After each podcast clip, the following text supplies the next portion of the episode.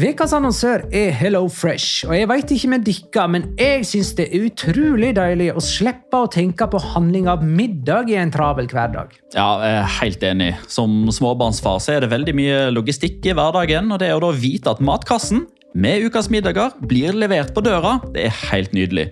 Da slipper du impulskjøp på butikken når blodsukkeret er lavt, og når du kommer hjem, kan du bare ta ut posen med dagens ingredienser fra kjøleskapet og sette i gang matlaginga. Ja, Du kan velge mellom 25 ulike retter hver uke.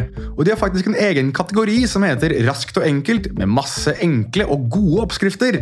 Veldig greit å ikke måtte ty til takeaway hver gang det er hektisk på jobb. Jeg gleder meg spesielt til sterk chilikylling i min neste kasse. Jeg blir sulten bare av å tenke på det.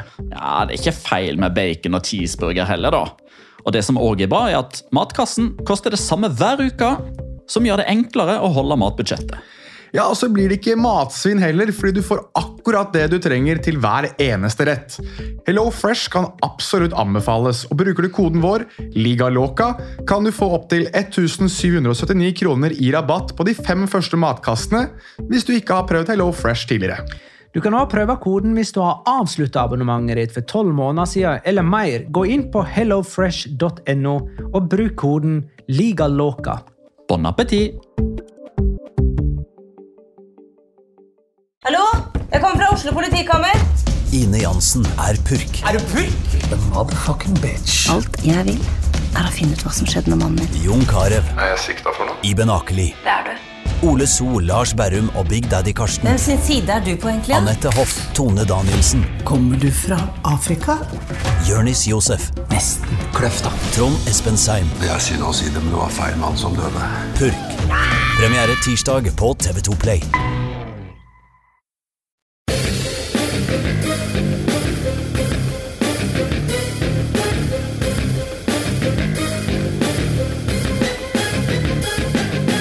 Har du sett? Det er et nytt år, men ellers er alt ved det gamle. Folk blir smitta av koronavirus, Real Madrid avgir poeng mot ligaens svakeste lag, sluttminuttene på Mestalla inneholder mer enn resten av runden totalt, Iago Aspas redda Celta Vigo, og Luke de Jong sikra Barcelona tre poeng. La liga loca. En litt gærnere fotball. Ja, ja, ja. Dette er La Liga Loca episode 189 med Av det ordinære slaget. Med Petter Veland i Oslo sentrum, hei. God dag, god dag, god dag. god dag. Magnar Kvalvik i Oslo sentrum, hei. Hei, Magnar. Og Jonas Giæver i Oslo sentrum, hei. Shalom in the home! Mm. Men du er likevel en annen plass, du kanskje, Jonas? Høres litt sånn ut. Ja, det, det gjør vel det. Jeg er uh, hjemme.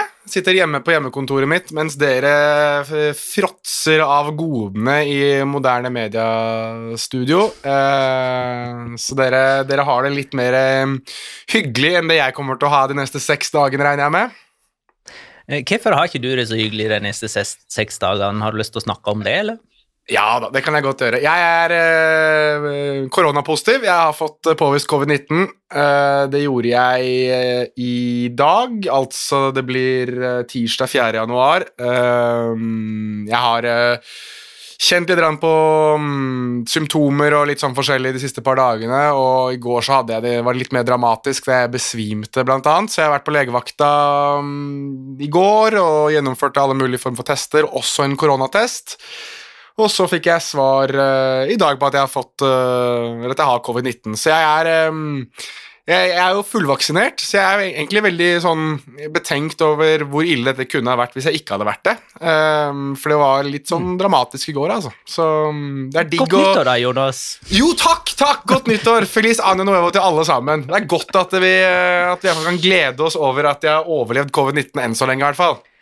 Men da veit jo du hvordan halve Barcelona-stallen har det akkurat nå. Dette Er jo glimrende research. Jeg skjønner at du går inn i denne jobben her med hud og hår. Altså, jeg føler jo det at eh, skal man først være en podkast om spansk fotball og faktisk eh, holdt på å si arbeide med spansk fotball, så må man gjøre det med alt man har, og og da også egen personlig helse. Mange som har det som deg akkurat nå. Eh, skal vi bare fise i gang med runde 19 kamp for kamp, eller har du noe å si, Petter? Nei, jeg skulle akkurat si at vi har, nå må vi prompe i gang eh, kamp for kamp. Runde 19, kamp for kamp, starta med Valencia Español 1-2. Den ble spilt på nyttårsaften, altså fredag, mens det var ingen kamper lørdag, første nyttårsdag.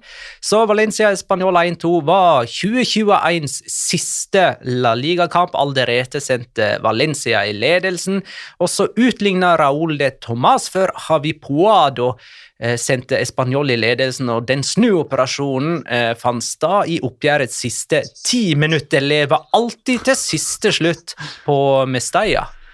Ja, det gjør det, og får et innhopp da av Jofre Carreras, eh, som får eh, debuten sin, født i 2001. Eh, var jo med i troppen utelukkende fordi det var tre-fire stykker som var ute med covid. Det var jo en, eh, en gjeng med unggutter, eh, spesielt i Barcelona-regionen, for Español og Barcelona, som da fikk debutene sine fordi det var såpass mange som var utilgjengelig.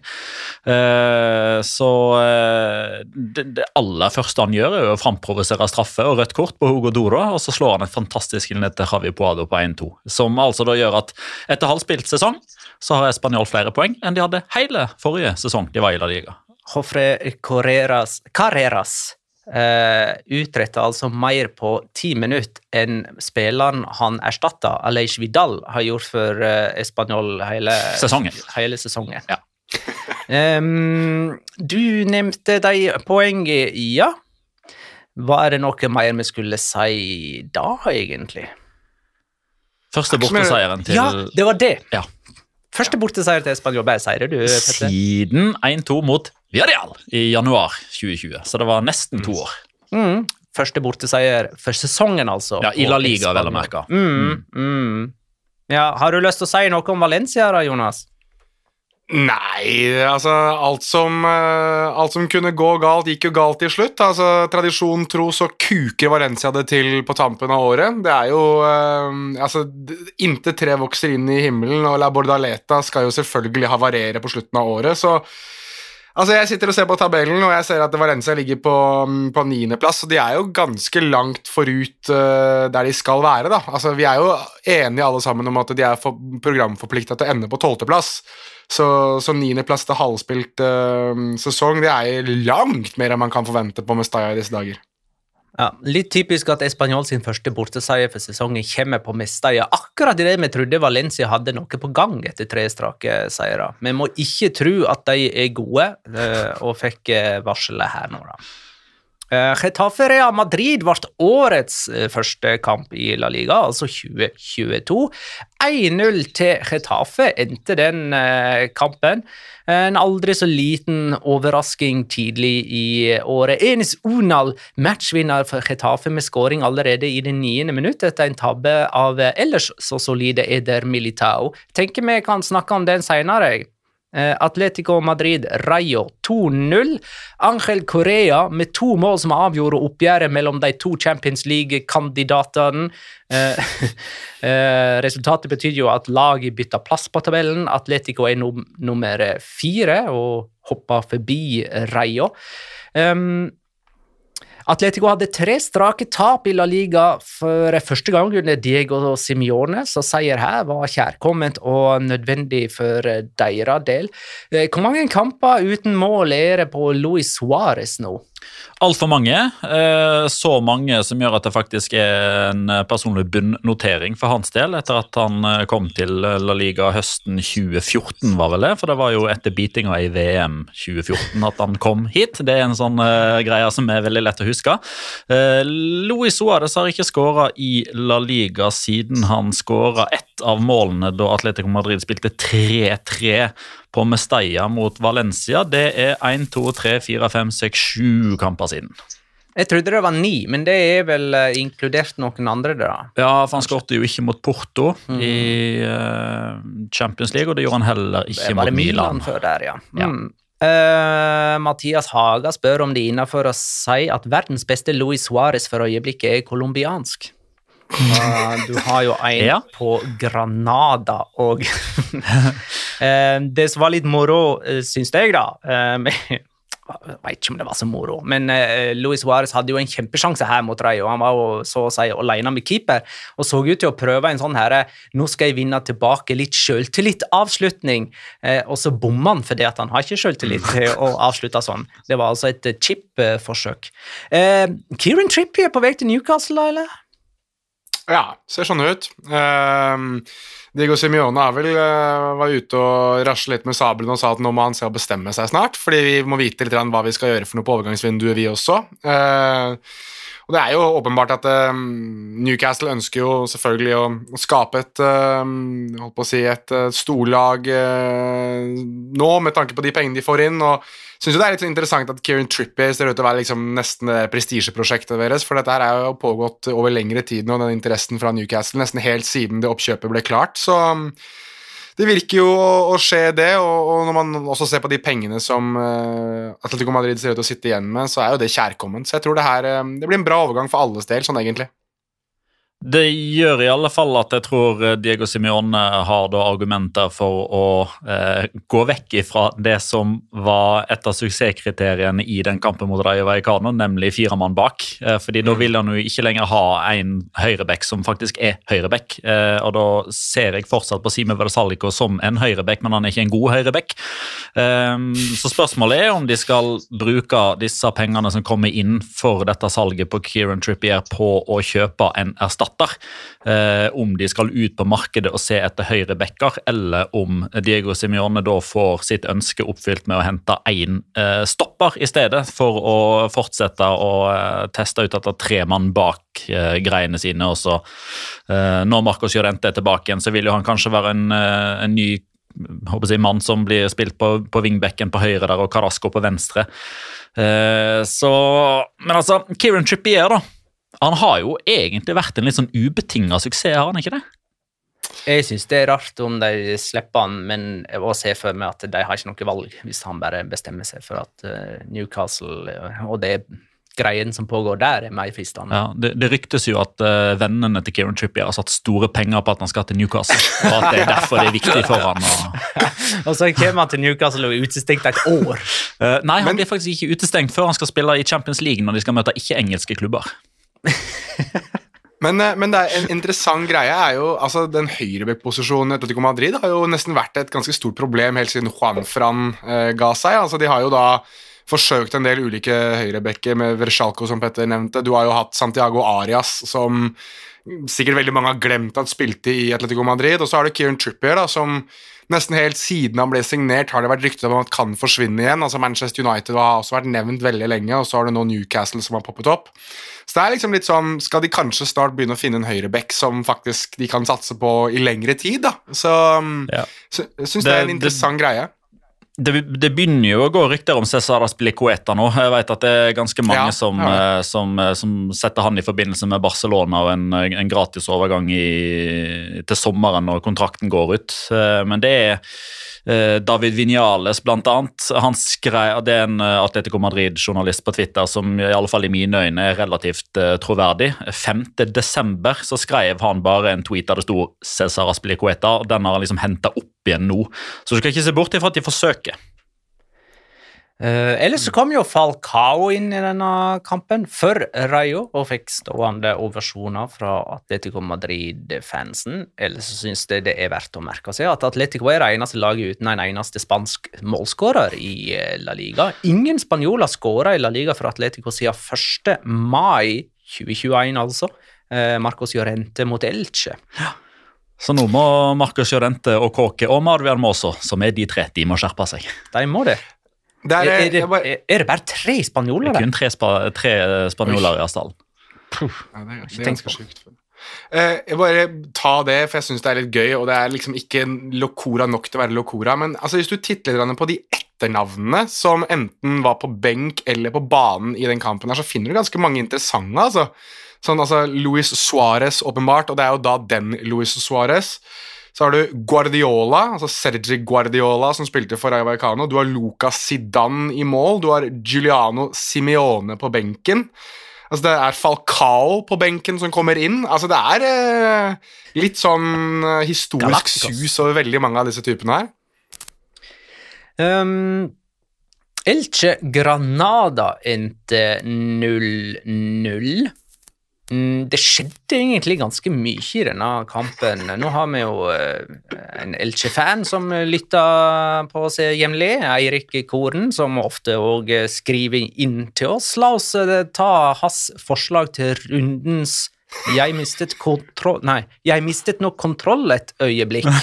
Eh, Topp tre-lista. Én Adrian, to Cordero og tre Vega. Eh, og de som lurer på hvem disse tre er, så vet jeg at det er en dommer som heter Adrian Cordero Vega. Mm, og det er flere òg, som, eh, som eh, eksempel Ørjan Risdal, som eh, spør oss om Guido Carillos VAR-situasjoner. Der regner jeg med at han mener eh, skåringen som ble annullert, og straffen som aldri ble. Ja. ja. Eh, og det er den siste der jeg har lyst til å eh, Her er vi inne i kategorien kjepphest. Dette er en kjepphest for meg, for hvorfor blir det ikke straffe mot Granada-keeper Maximiano i duellen med Guido Carillo, der det altså er et innlegg fra sida, eh, Guido Carillo går opp med hodet, vinner den duellen, og Maximiano kommer altså med begge hender og treffer i ansiktet på Carillo, som bare ligger langstrak i bakken og er hedda utafor, da. Eh, Jeg skjønner ikke hvorfor keepere har lov til det der fortsatt. Husker, Var ikke det du som kommenterte en gang, eh, Petter? Må antagelig ha vært sånn i 2016 eller 2017, kanskje. Da var det en spiller som fikk boksa tennene ut av trynet sitt. Var ikke det Diego. Godin? Jo da. Var det Godin? var, uh, Jo fordi, jo, fordi det er en del Valencia-supportere som eh, Ja, stemmer det. Neto på Diego Godin. Fordi Diego Godin blir jo linka til Valencia i disse dager, og det er mange Valencia-supportere som har skrevet at han skal tilbake til Mestalla for, for å finne tanna si. Ja, det var altså en knyttneve i trynet Ja. på han fra keeper, og keeper eh, ble ikke straffa for det. Det ble ikke straffespark. Og jeg, og jeg tror det var uh, i løpet av det øyeblikket der at jeg òg bestemte meg for at dette her er en kjepphest, òg for min del. Med at uh, keepere kan ikke få lov til å gjøre hva som helst eh, så lenge de forsøker å ta ball. Det er en annen ting her som er verdt å ta med, som jeg husker veldig godt fra akkurat det øyeblikket der. Det er en av veldig få ganger, tror jeg, som jeg har hørt uh, Petter Wæland banne under kommentering. Der uh, var det vel reprisen som gikk, der Petter sa noe sånt som Ja, der går det faen meg en tann, vet du. ja, det stemmer det. Man kunne kunne jo på repetisjon se tennene flyge ut. Ja. Uh, jo, men Men bare- det var ikke VAR den gangen. Nei, det det, det, det var det ikke, men det burde kanskje ha vært det. Uh, Du, eller du får en viss effekt når tennene flyger Ja. rundt omkring, og du sitter og ser det der som eh, videodommer. ja, da, da har du liksom litt mer bevis enn liksom Ja, men se hvor vondt jeg har! Eh, men bare sånn for å sette litt sånn kontekst på uh, Eirik Koren sin gode beskrivelse av å miste kontroll. Eh, altså, det, det starter jo da med denne situasjonen uh, med Guido Carillo som får en, uh, en scoring annullert for angrep på keeper, som jeg syns er den, den kan jeg på mange måter akseptere i større grad enn at det ikke blir straffe i den situasjonen litt etterpå. Men, men der starter jo Elche-spillerne og Elche-benken sin frustrasjon. Eh, For dette kommer jo eh, på, eh, på kamp tre, eller dette er kamp tre på rad, der Elche føler at en sånn 50-50-situasjon skal det gå vår vei eller ikke vei. Myntkast går i deres disfavør. Det var den Barcelona-skåringa som, som kunne se ut som offside, men som ble stående. Og den eh, Valencia-Elche, der i alle fall Elche sin Twitter-konto er ganske trygge på at den ballen var inne, mm. men den ble ikke dømt. Og så kommer Uten mållinjeteknologi Ja. i Spania. Eh, Og så kom jo denne situasjonen der eh, Guido Carillo skårer, det jubles, det står 1-0 på resultattavla, dommer går ut og ser og annullerer. Og så kommer denne situasjonen der Guido Carillo da blir knyttneva i trynet uten å få straffe, og da begynner det å gå ei kule varmt. Så først så får jo da Francisco gult for protester på sidelinja, og så får eh, og dette, Nå er vi da inne på overtida i første omgang, det er jo kanskje lagt til fire minutter. Så får Fidel Chávez gult kort for å protestere, og så får Tete Morente gult kort for å protestere fordi Javier Pastore får gult kort for å sparke bort ballen i frustrasjon. Og så får Luis Suárez, eh, som er da den colombianske for Granada, får gult kort for eh, protester eh, fordi listen hans har gått opp, og han mener at det skal være frispark i hans favør. Darwin Machis får gult kort for en takling, og Elche-trener Francisco får sitt andre gule, og dermed rødt, og får ikke lederlaget fra garderoben i, eh, i andre omgang, og får da antageligvis eh, ikke med seg, i alle fall ikke fra sidelinja, at eh, når man trodde det ikke kunne bli verre, så gikk det altså da 47 sekunder av den andre omgangen før Elche fikk en spiller utvist. Det var for øvrig helt korrekt da Diego Gonzales eh, meide ned Luis Suárez på vei gjennom. Luis Suárez, som nå har framprovosert fire utvisninger denne sesongen. Det er flere enn eh, han andre.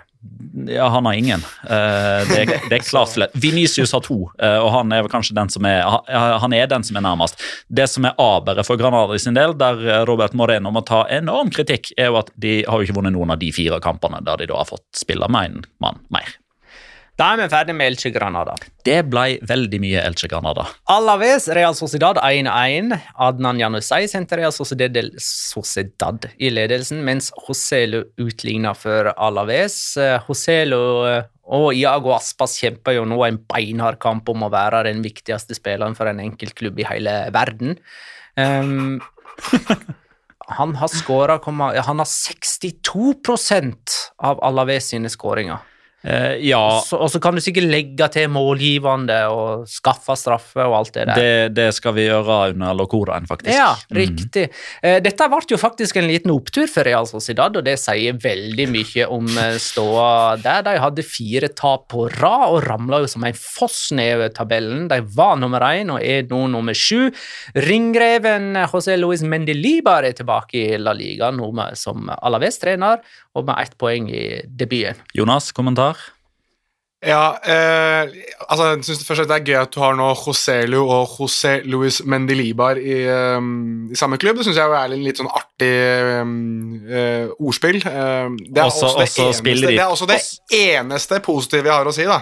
Men ja, Petter, Og så spiller, de- spiller de på Mendy Soroza.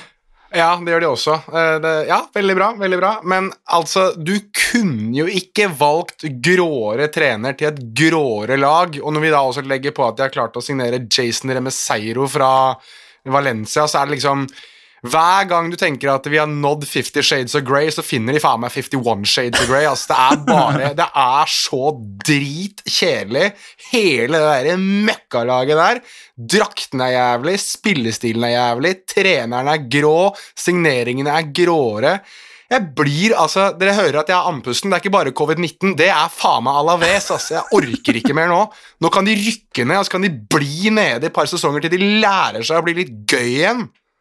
Tenk hvor lei seg uh, Dan Eggen blir når han hører dette. Ja, jeg, altså, jeg, Hvis ikke Dan Eggen er allerede trist over å se hvor mye hans tidligere klubb har forfalt, så veit jeg faen ikke, altså.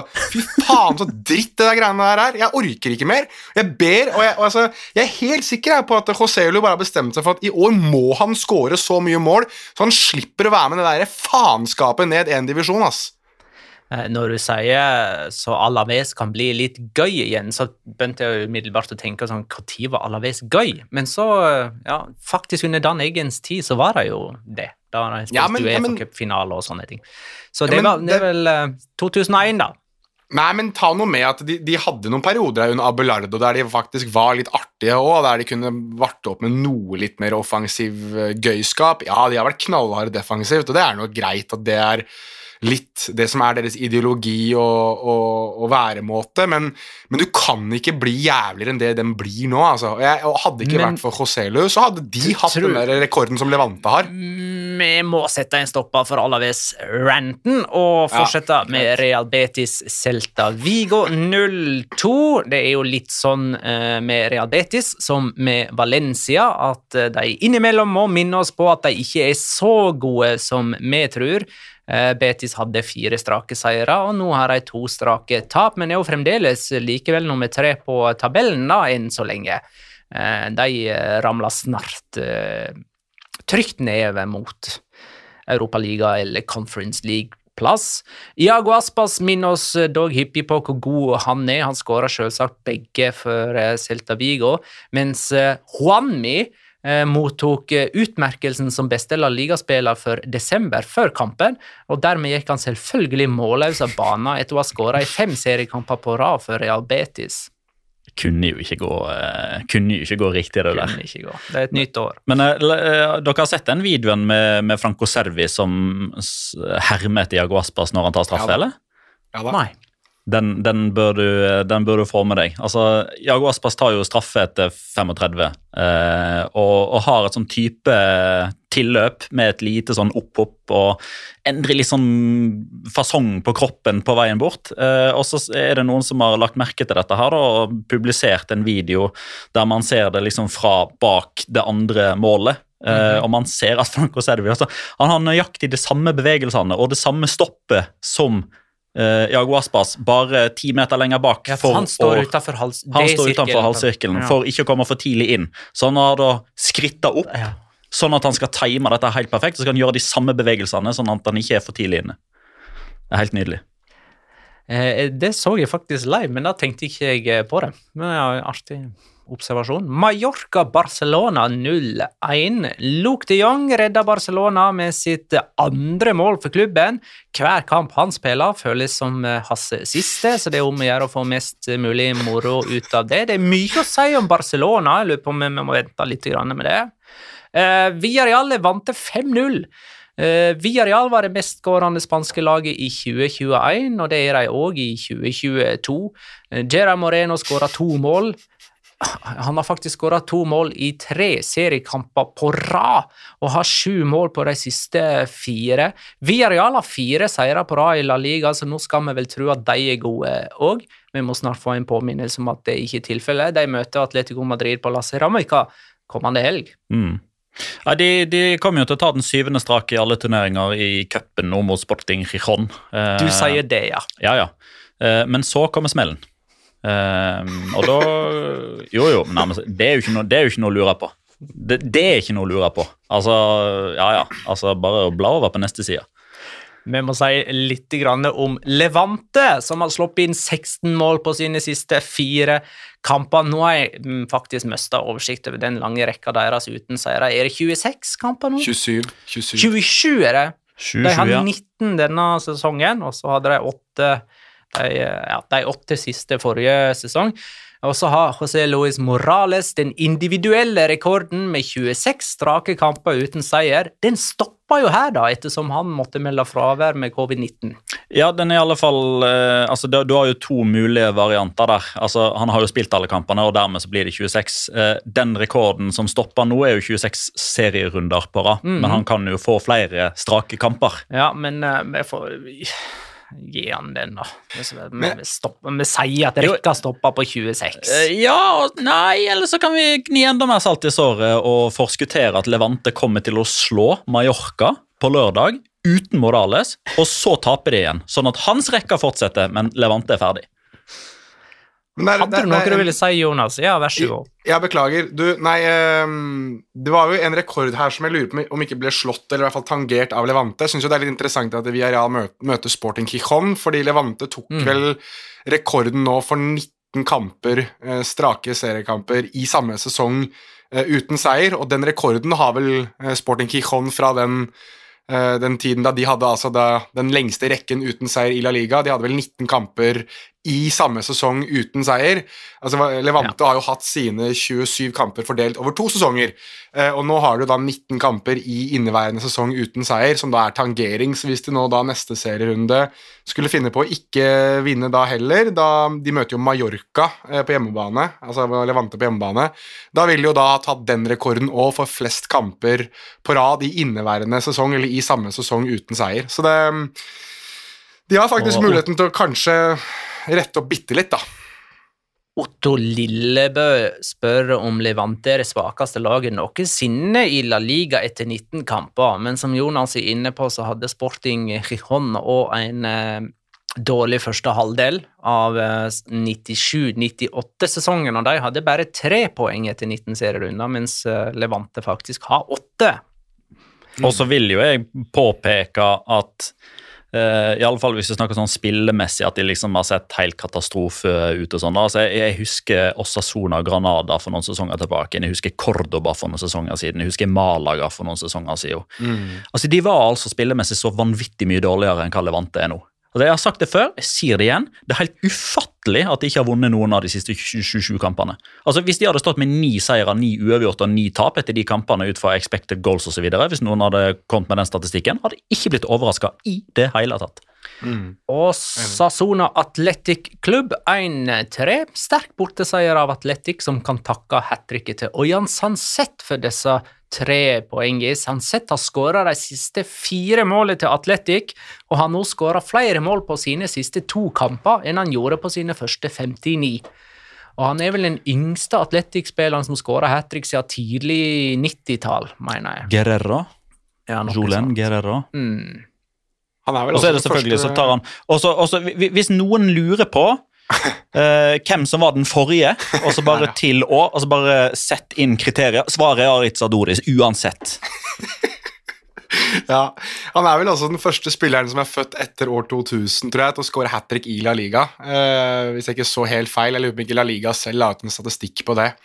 Så det er litt gøy. eh, eh, men ja, altså i Atletic-historien, i hvert fall nyere historie, så er jo for så vidt alle målskårerhistorikker og det som er, eh, tilhører jo Aritz Adoris, så det er litt moro at man kanskje har fått en ny, en ny type, da. Kan, han er jo ikke like høy, men han er vel ikke så langt unna høyden til Aritz Adoris. altså Nå snakker jeg da om fysisk høyde, selvfølgelig, for Ojan Sandseth er en diger mann. ass. Jeg var inne, jeg var inne og titta på jeg lurer på om han er 1,88 eller 1,89 eller noe sånt. Ja. Det er um, Han er er- høyere enn Aritz Adoris. Han var bare 1,82. Eller er. Han, le, han lever jo fortsatt. Men det er det kanskje bare det at Aritz- Adoris var likevel en bedre hovedspiller. Ja, ja, det, definitivt. Det, det som var ekstra ikke nødvendig, altså gøy for noen, eh, trist for andre, det er jo at eh, altså Osasuna og Atletic, der snakker man jo alltid sånn Ja, er det Basca Derby, eller er det ikke Basca Derby? Med tanke på at eh, liksom, Navarra og Pamplona, er det Baskaland, er det ikke Baskaland? Det som uansett er hevet over enhver tvil, er jo at veldig mange i Pamplona er liksom luta lei av at Atletic bortimot knabber alle de store talentene.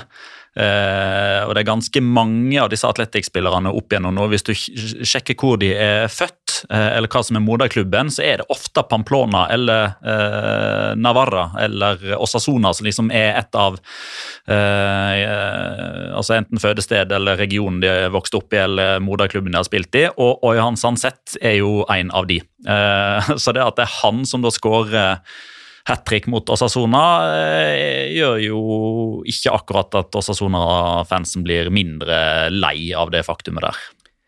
Siste kamp i runden var Cádiz Sevilla 0-1. Lucas Ocampos matchvinner for Sevilla, som er fem poeng bak serieleder Real Madrid, som har en kamp mer spilt. Um, Sevilla eh, de vinner uten å slippe inn mål igjen. Ingen har sluppet inn færre mål enn Sevilla eh, i de fem store seriene. Eh, De har 13 baklengsmål. Nå har de jo spilt to kamper mindre enn Manchester City i England, som også har 13 baklengsmål, men likevel. Dette ser jo ut til å være liksom deres oppskrifter. Eh, akkurat i denne kampen her så, så syns jeg faktisk Sevilla var litt gode. Krysser Der satt den! Der satt den! Nytt år, nye muligheter. Men altså, det var tendenser liksom til sånn finspill, litt gode kombinasjoner her uh, innimellom.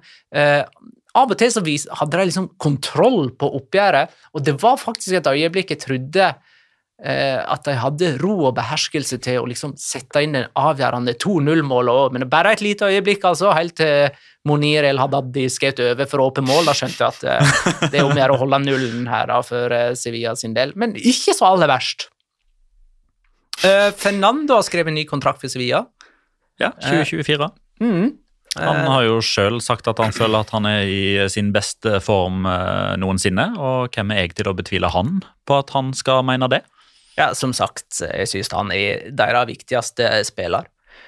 Hva er hengekampen deres sånn eh, vis-à-vis eh, Real Madrid? Nå er det vel egentlig ikke sånn at Sevilla har en hengekamp. Det, det er Real Madrid som har spilt én kamp mer enn liksom, Ja. de fleste andre. Enn alle andre, bortsett fra Atletic, som de møtte. Ja, nemlig. Mm. Ja, nei, men eh, vi vet jo alle at eh, Sevilla ikke kommer til å utnytte det faktum at de har en kamp mindre spilt. Men det, er- men det er jo en ting vi må ta med her, da. Altså, du, du har jo ikke nevnt målskåreren eller matchvinneren for, for Sevilla sin del. for det var jo en ting som det var verdt å Jo, notere jeg seg. nevnte Lucas Ocampos også. Jeg gjorde det.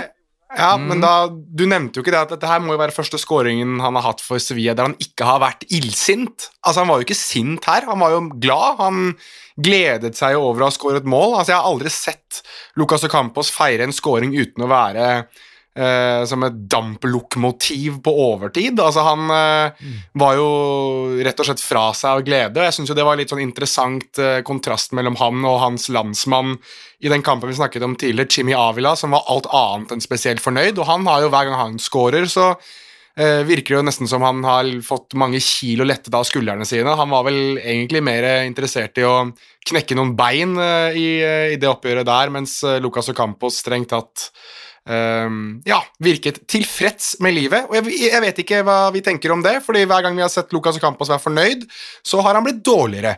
Så Ja. nå, må noen, nå må noen finne noen å gjøre han sint for. Ja, vi, vi, vi fikk jo svaret på hvorfor i postmatch-intervjuet med den alltid solide Ismail Medina som eh, står og stiller spørsmål for Movistar etter kampen. og Han fikk jo spørsmål om hva var denne, hva denne feiringa for noe, for det hadde jo naturligvis pålest som Ismail Medina er, så hadde han også lagt merke til at denne feiringa var ikke sånn standard, eh, typisk og Ocampos. Det var en hilsen til, eh, til madammen som satt eh, hjemme i isolasjon med korona. Så det var derfor. Aha. Ja, jeg kan, jeg kan relatere. Jeg kan relatere til madammen. Ja, det er det researcharbeidet du driver med nå. eh, Det er viktig. Jonas. Det, er viktig. det jeg gjør, det jeg egentlig gjør, som dere nå har fått svar på Der, er jo, Der røker min locora, selvfølgelig. er jo det at Jeg har jo selvfølgelig fått eh, covid-19 fordi at jeg da kan være litt mer sånn følelsesmessig nær Lucas Campos Så mm, Ja, ja. Det, Og, og en hel bråte med Barcelona-spillere som eh, vi må snakke litt om nå. Bra Segway. En gang til? Det var en bra Segway, som man sier på, på engelsk. At du Akkurat, God, god ja. bro over. Ja. Ehm, Barcelona slo altså Mallorca. De er oppe på femteplass, bare poenget bak Atletico Madrid på fjerde. Og man kan jo ta denne dette spørsmålet fra Finn-Viggo Dreyer. Hvordan er prestasjonen til Barcelona mot Mallorca når man ser hvordan elva de stiller med? Den er Skal vi si at den er godkjent pluss? Um, altså det, man skal ganske mange La Liga-sesonger tilbake for å finne høyere odds på at Barcelona skal slå Mallorca. Eh, De var favoritter, eh, og det syns jeg òg de fortjente å være, med tanke på at den startelveren som de starter med, jo faktisk er ganske ok sammenligna med Mallorca sin. Ikke sammenligna med hva eh, Barcelona kunne ha hatt om de hadde hatt alle disponible. Det er jo også derfor oddsen er som den er. Sånn fungerer markedet.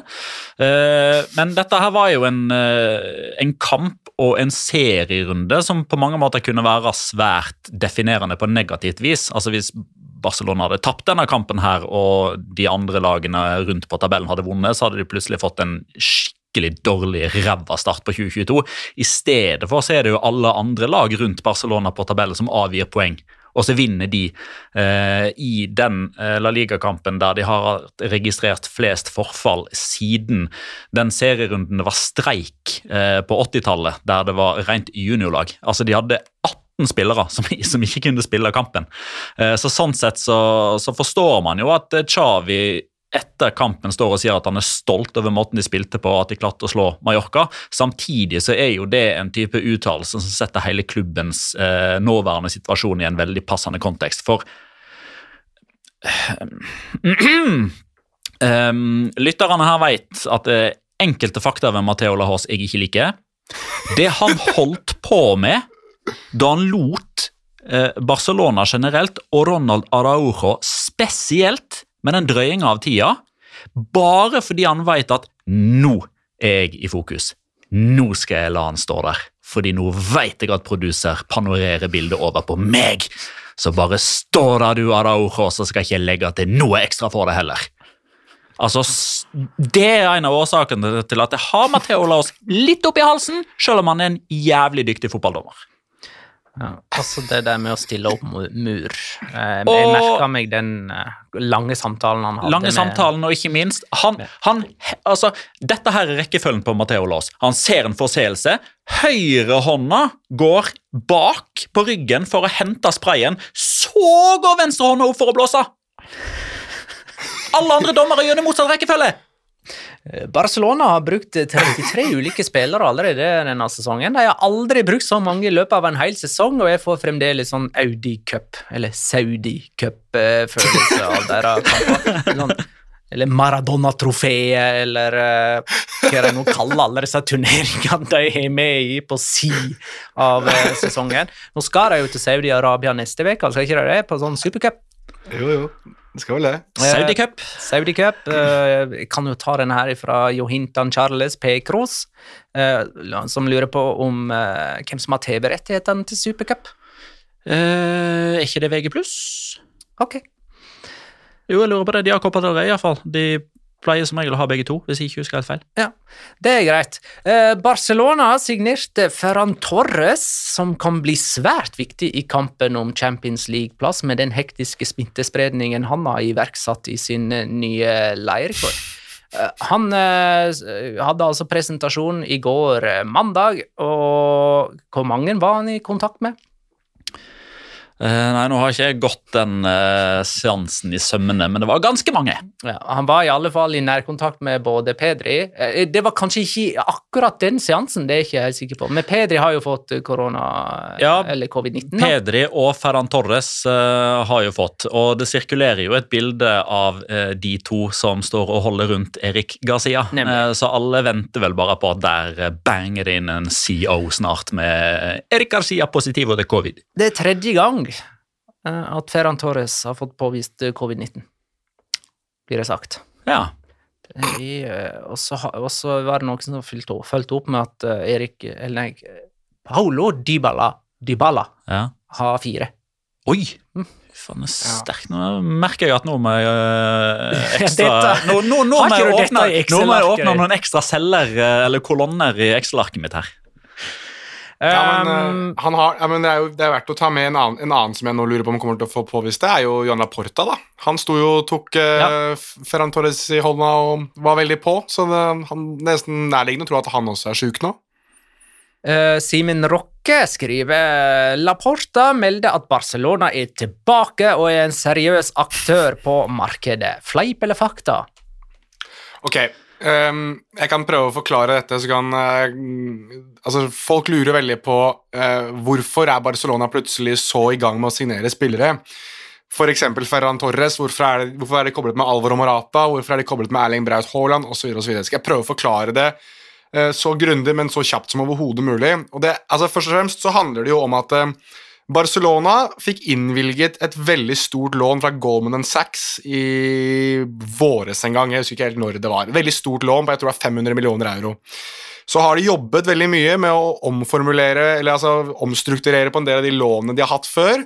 Uh, og det har de tydeligvis klart å gjøre på en ganske suksessfull måte. De var, de var tydeligvis ikke kjappe nok med å få alt dette på plass før Lionel Messi forsvant. Det er kanskje verdt å, å legge ved her.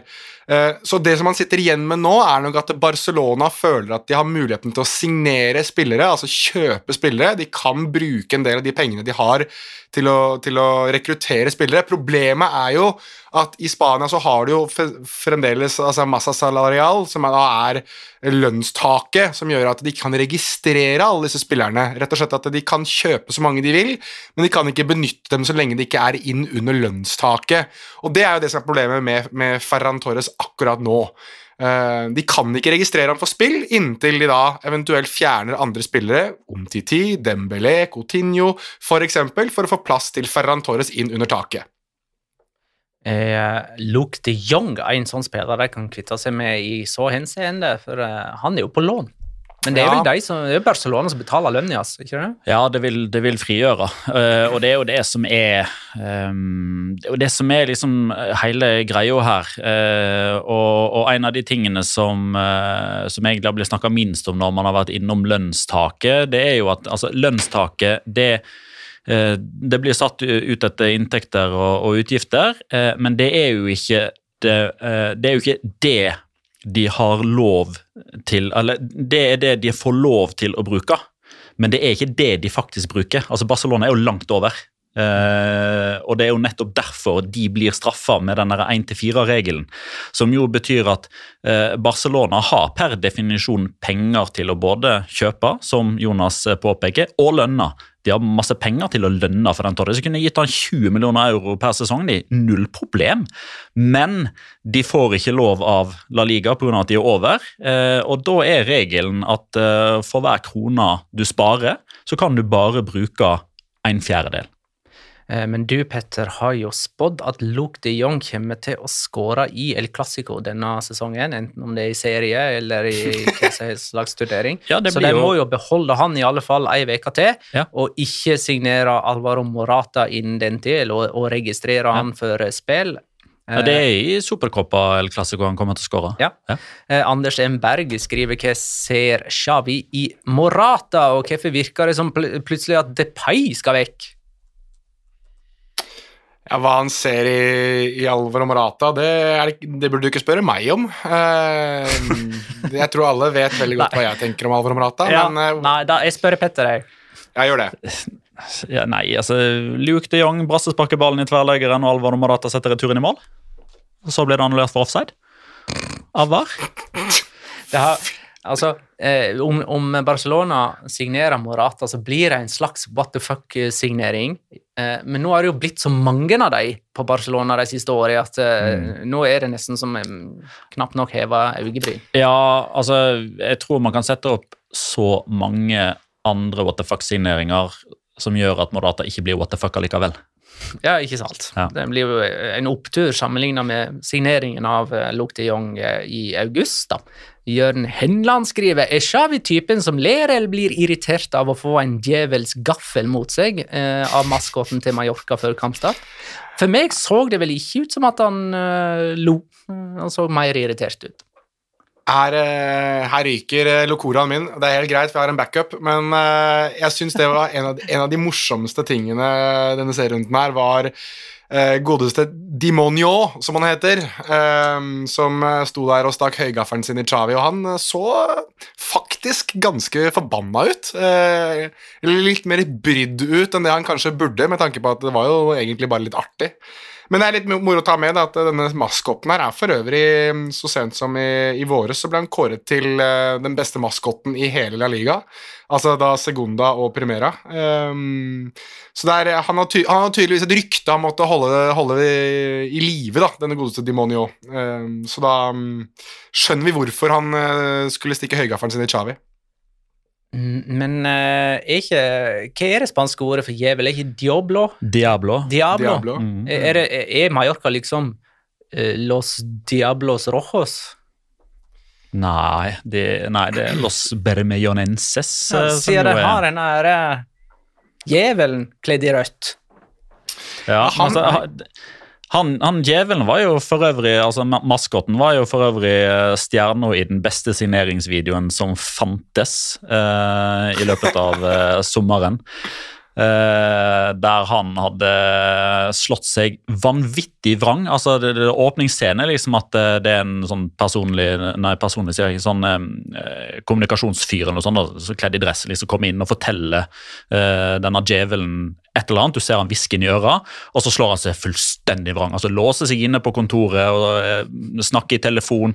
Eh, du ser eh, politiet ankomme, ambulansen ankomme. Det liksom går liksom en unntakstilstand på ferieøya Mallorca, liksom, og folk skjønner liksom ikke hva, det, hva som skjer. Ekstra nyhetssendinger, det er ikke måte på. Så det viser seg at han er jo da fly forbanna, for de har jo signert Angel. Rodriguez, altså engel. Eh, Og dette er jo da djevelen fly forbanna på, og så roer det seg til slutt da med at Luis Garcia Plaza liksom tar, tar liksom med en ut på, på sidelinjen for å hilse på Angel. Og, han er grei, han er fin, dette, dette, ordner seg.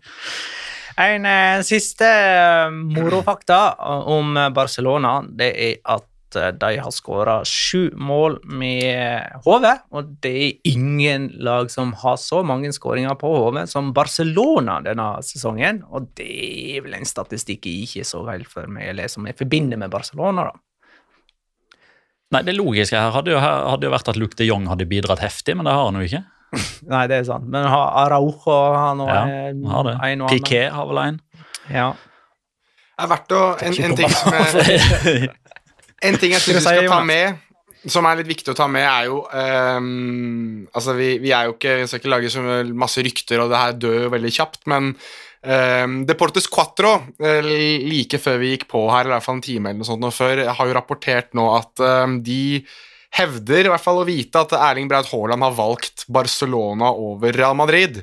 Ehm, at han ikke ønsker å være i et lag der han blir overskygget av Mbappé, og så har de lagt fram litt dette hvor mye han kan vente seg å tjene osv., og, så og at uh, Haalands preferanse er, uh, er Barcelona over Real Madrid. Så sier ikke at det stemmer, men jeg bare, ettersom vi er en podkast om spansk fotball, så får jeg være såpass nisseluete at jeg i hvert fall slenger på det, at det er kanskje verdt å, å følge med. Altså det, det, jeg har aldri sett rapporteres så mye om én fotballspiller, eh, i hvert fall ikke fra Norge, som det har vært den siste uka nå om Erling Braut Haaland i spansk presse, spesielt på spansk TV. Der har det vært eh, enorme mengder med, med, rapporter på ham nå. Så um, legger bare den ved, og så får vi se. Um, men jeg må også bare da også få legge ved at det må være tidenes nedgradering for Barcelona-supporterne hvis de nå sitter og håper på Erling Braut Haaland og får servert Alvaro Morata. ass. Um, Real Madrid må vi si et og annet om. De er jo tross alt serieleder i uh, La Liga, men tapte altså mot uh, Getafe på lørdag. Det var deres første tap på 15 offisielle kamper. De hadde ikke tapt på tre måneder. Deres forrige tap var 3. oktober mot Español. Uh, og ja, de hadde ti strake seire, men siden det så har de faktisk avgitt poeng både mot Cádiz og Getafe, og som sagt, før den rekka starta, så tapte de mot Español, så de har jo typisk da eh, avgitt poeng mot lag man forventer de skal slå, så der er jo alt som det pleier. Um, hvordan er koronasituasjonen der? Venicius var ute med korona. Ja. Det kom, det kom, jo en, en kvartett der. Venicius, Valverde, Courtois og Camavinga. Og av de fire så var det jo bare Venicius som var ute med covid mot Retafe. Camavinga sto over, men det måtte han uansett fordi han var suspendert. Og Venicius er heller ikke med i troppen mot Alcoyano i, i Copa del Rey i morgen, så vidt jeg har sett her nå. Så sånn sett så har jo Real Madrid fått sin covid-info alle sine covid-smitta spillere tilbake igjen til seriekampen nå til helga. Så da virker det som at den, den omikronbølga som har skylt inn over Real Madrid, er over, mens det fortsatt er etterdønninger i de fleste andre La Liga-klubbene. Og så er jo typisk da at uh, de avgir poeng mot Cádiz uh, først, og så Getafe. Og så imellom der så sler de jo Atletic Klubb på San Mames rett før jul. Og nå kan man jo si hva man vil med om Atletic og kvaliteten der, men det regnes jo fortsatt som et storoppgjør mm. når Atletic og Real Madrid møtes. Så der vinner Atletic. Nei, Real Madrid. Unnskyld meg. Men eh, nå lyver kanskje tabellen om Tafe, for de er nemlig på femteplass på Kikki Sanchez Flores-tabellen. ja, det, det, det, konseptet der må vi Det må vi Altså, vi må vanne det frøet der så lenge vi kan, før det dør.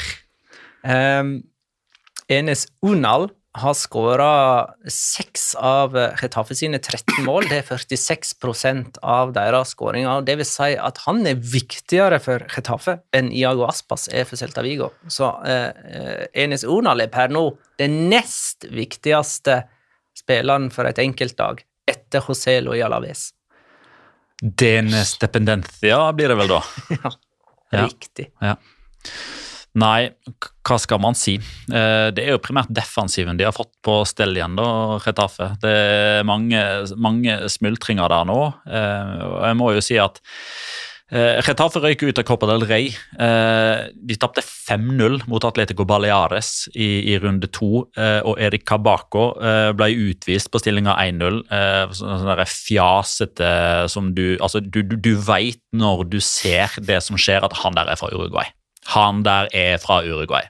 han er fra Uruguay og ble utvist på noe altså Bare sånn eh, tåler liksom ikke å bli motsagt eller prikka på ryggen eller noe som helst. Da er det full tilt poker og headbang og i kunstgresset med motparten, og så rett ut. Og han ble hudfletta av Kiki Sanchez Flores. Altså kasta så vanvittig under bussen at i alle sånne der, altså AS og Marka og lokalaviser osv. kjører jo alle sånne der, ja, dette kan vi forvente av januarvinduet. Og i alle de eh, tekstene som ble publisert før eh, 2.1., altså før eh, Retafe møtte Real Madrid, var liksom at Erik Abako skal ut. Han kommer ikke til å spille et sekund mer for Retafe. Og så er Jenny Dakonam ute med karantene, og nå skal han til Afrikamesterskapet. Hvem er det som storspiller i Midtforsvaret, og som bidrar til at de holder nullen mot Real Madrid? Erik Kabako. Real Madrid sin Ja, vær så god, Jonas. Nei, Mens du er inne på dette med, med uruguayanere og, og, forsvar og det å være hardhauser, jeg syns det er litt gøy ja, at um, Getafe maktet å få tre gule kort i det oppgjøret her, og alle var til uruguayanere. De spilte jo med fire fra start. altså Damian Suárez, Mauro Arambarri, Matias Oliveira og nevnte Cabaco. Og det er jo da Arambarri, Oliveira og, og Suárez som får de gule kortene. Og så vil jeg bare få lagt ved en, en siste ting også. Real Madrid-supportere som klager på at uh, Getafe spiller stygt og spiller kynisk og spiller fysisk. Har dere sett veldig mye La Liga-fotball de siste par sesongene? Altså, Har dere sett veldig mye av hvordan spesielt Getafe har spilt? Um, jeg beklager, altså, men hvis det, hvis, det en, hvis det, kommer som julekvelden på kjerringa, det at uh, Getafe kommer til å sparke i stykker laget deres etter at de selv tar ledelsen tidlig i kampen, da må dere wake up and smell the coffee, altså. Og så er det jo bare å stålsette seg, da, ettersom Valencia er neste motstander for uh, ja, ja, ja. Real Madrid lørdag kveld på Santiago Bernabeu. Vi skal kåre rundens spiller. Jeg um, tror jeg har nummer tre denne gangen. Eh, vi sier det sånn. Eh, min kandidat til rundens spiller er nemlig Luke de Jong som ble matchvinner for uh, Barcelona med sin andre skåring for sesongen. Hadde to baller i uh, stolpen, eller i metallet i alle fall. Brassesparket vakte oppsikt for sitt estetiske Hvilket ord er det jeg leter etter nå? For sin estetikk, sier vi. Altså, Luke de Jong kunne jo ha hatt kultpotensial. Men foreløpig så er det bare sånn ah, ingen liker han. Ingen vil at han skal være der. Alle vil bare ha han vekk. Eh, og han eh, er ikke en representant for Barcelona. Eh, så enn så lenge så er ikke han et kultpotensial. Men hvis han skårer i El Clásico i supercupen, og, og, ja, kanskje òg skårer i mellomtiden Hvem er det de møter? Granada, er det det? Mm. Granada på lørdag? Ja, da, da begynner det å lukte kultpotensial av han. Så nummer tre eh, på lista over rundens spillere denne runden. Hvem er nummer to? Nummer to, eh, det er en, eh, en, en variant her. Eh, for det er faktisk ikke en trener. Eh, og jeg har valgt eh, Unai Emeri, og det er ikke bare fordi jeg er gul, selvfølgelig litt gul. men det handler egentlig litt om at når når snudde dette her for Viareal denne sesongen? Eh, når var? Jo, det var da Ona Emeri valgte å eh, ikke gjøre som Kieran Trippier eh, og la seg freiste av penger eh, og Newcastle. Eh, da han eh, offentliggjorde, både på egen Twitter-konto og gjennom klubbens offisielle kanaler, at eh, det var her han ville være, det var dette han hadde tro på. Etter det så har det virkelig snudd. Da har det blitt seire mot, mot Young Boys og Atalanta, og dermed avansement i, i Champions League. to kalasseire og ikke noe bananskall i Copa del Rey, og fire strake seire i, i La Liga, som nå gjør at etter halvspilt serierunde serierunde så har man jo eh, med litt, litt glimt i øynene og litt alvor snakka om at vi hadde all flørte med nedrykk. Nå er de fire poeng unna en plass i Champions League neste sesong. Ja, og det har ingen sammenheng med at uh, Gerard Moreno kom tilbake fra skade? Det var det faktisk Unai Emedi som sørga for, med sine eh, healing-hender og fysioterapeutiske egenskaper. Greit. Hvem er rundens spiller, da, Jonas? Skulle tro at det var Snåsamannen, slik Petter prater her nå, men uh, det er Oyan Sanset. Det er uh, hat trick-helten til, uh, til Atletic Klubb. Han har skåret, som du var inne på, Magnar, de siste fire målene til Atletic. Fire mål på to kamper. En, en type som tidvis har sett veldig spennende ut, som tidvis har sett ut som en som kan kanskje være en av de få lysglimtene i det som tidvis er et ganske sånn grelt atletikklag, har vært det i kanskje to-tre sesonger nå. Når han spiller som han gjør i det oppgjøret mot Asasona, så, så, blir man glad. Det er en type som jeg tror det kan bli veldig spennende å følge. Um, jeg omtaler han litt som en potensiell rikmannsutgave av Bryce Mendes, og um, jeg liker Bryce Mendes veldig godt. så... Um, Får håpe at Ojan Sandseth med det hat tricket virkelig har uh, begynt å vise hva som bor i ham også framover i sesongen. Da er det på tide med Locora!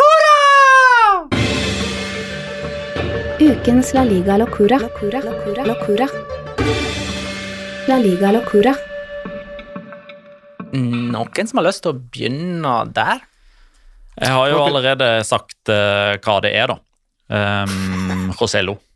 Ja. Um, og én ting er at uh, han har skåra 10 av 16 uh, for Alaves, uh, men du hinta jo litt frampå om det. Um, av de seks andre så var det jo ikke sånn at det var liksom geniale prestasjoner av de andre Alaves-spillerne som har litt fotball i seg. altså fem av, eller Fire av de andre seks målene har han jo òg vært involvert i. altså Han hadde assist da Luis Rioja skåra sitt ene mål for sesongen. Han hadde assisten til Pere Pons da han skåra sitt ene mål for sesongen. Victor Laguardia har jo stanga inn to mål på dødball. Den ene dødballen der var det Joselo som skaffa da han framprovoserte en corner, og det gjorde han òg da Mamadou Lom um, skåra mål på, uh, på, corner. Så Noen ganger så forenkler vi det sånn at ja, hvis Joselu ikke hadde spilt for Alaves denne sesongen, så hadde de skåra ti mål mindre. Nei, det er feil. De hadde faktisk skåra 14 mål mindre. Da kan jeg fortsette, for uh, min locora er òg Alaves-relatert. I løpet av det siste året så har Alaves tar farvel med tre ulike trenere. Pablo Machin, Abelardo og Havi Calleja. Nå har altså Mendelibar hovedansvaret, og med det så har Alaves hatt flere trenere i La Liga enn sesonger i La Liga. De har hatt 19 trenere på 17 La Liga-sesonger. Jonas, ja, jeg skulle jo egentlig ta vår alles kjære Dimonio, men øh, jeg syns heller at vi kan ta et lite øyeblikk og heller øh, hylle Betis-keeper Rui Silva, som øh, mistet faren sin tre dager før, før, oppgjøret mot Celta, og valgte fremdeles tydeligvis å spille oppgjøret. det var jo et minutts si stillhet, men du har gjerne den, den hymnen som går mens lagene mimrer holdt jeg på å si, ved, ved, midtsirkelen, og da så du at det var tydelig at han sleit med å holde tårene tilbake, forståelig nok. Um, det gikk ikke som uh, han hadde håpet på kanskje i oppgjøret, men jeg syns uansett at det vitner om en vanvittig sterk karakter. og å stille seg i mål tre dager etter det. Og så syns jeg også at vi kan gi en liten blomst til Jago Aspas, som uh, det var mye bilder av det i etterkant av kampen, som passet på å gi Rui Silva en god klem og, og ja, kondolere på best mulig måte. Så Rui Silva og Jago Aspas er vel kanskje Locora akkurat nå, men uh, for meg så er de i hvert fall uh, holdt på å si blomsterbærere fra denne serierunden. Da kan vi tippe Forrige kamp vi tippa på, det var eh, Sevilla-Barcelona rett før jul. Den endte 1-1 med Papu Gomez som eh, første målskårer. Hvem var det som utligna for Barcelona? der? Var det Araujo? Hvilken kamp er du på nå? Uh, Sevilla-Barcelona 1-1. Det var Araujo, ja. ja. ja. Uh, men det spiller for så vidt ikke noen rolle for tippingen. Uh, det ble altså 1-1 der. Jeg hadde 1-2 med Dembélé som første målskårer. Det gir meg null poeng. Jonas hadde 3-1 med Rafa Mir som første målskårer. Han får også null poeng. Petter hadde 2-2 med Dembélé som første målskårer og får ett poeng. Totalt har jeg da 22. Jonas og Petter har 13 poeng, og neste kamp er Villarreal Atletico Madrid. Søndag kveld 21.00. Eh, der tippa jeg 1-2 og Gerard Moreno som første målskårer. Eh, Jonas? Villarreal vi er real på hjemmebane, var det du sa? Ja. Uh, 3-1. Uh, første målskårer Åh, oh, den syns jeg er vrien, altså. Uh, skal jeg gå for Mano Triggeros? Den kom litt overraskende. Ja. Og Petter? Jeg kjører Villarreal Atletico Madrid 1-2. Første målskårer, det er Angel Correa. All right. Da er vi i mål med episode 189, den første i eh, 2022, av mange.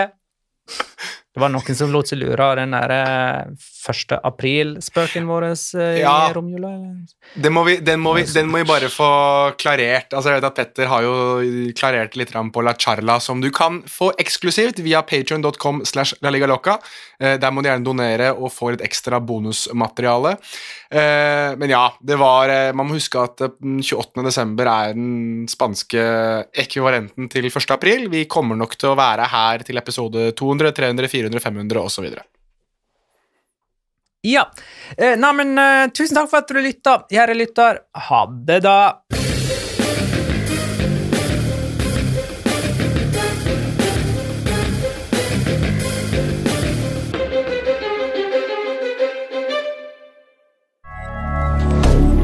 Moderne media. Har du et enkeltpersonforetak eller en liten bedrift? Da er du sikkert lei av å høre meg snakke om hvor enkelt det er med kvitteringer og bilag i fiken, så vi eh, gir oss her, vi. Fordi vi liker enkelt. Fiken superenkelt regnskap.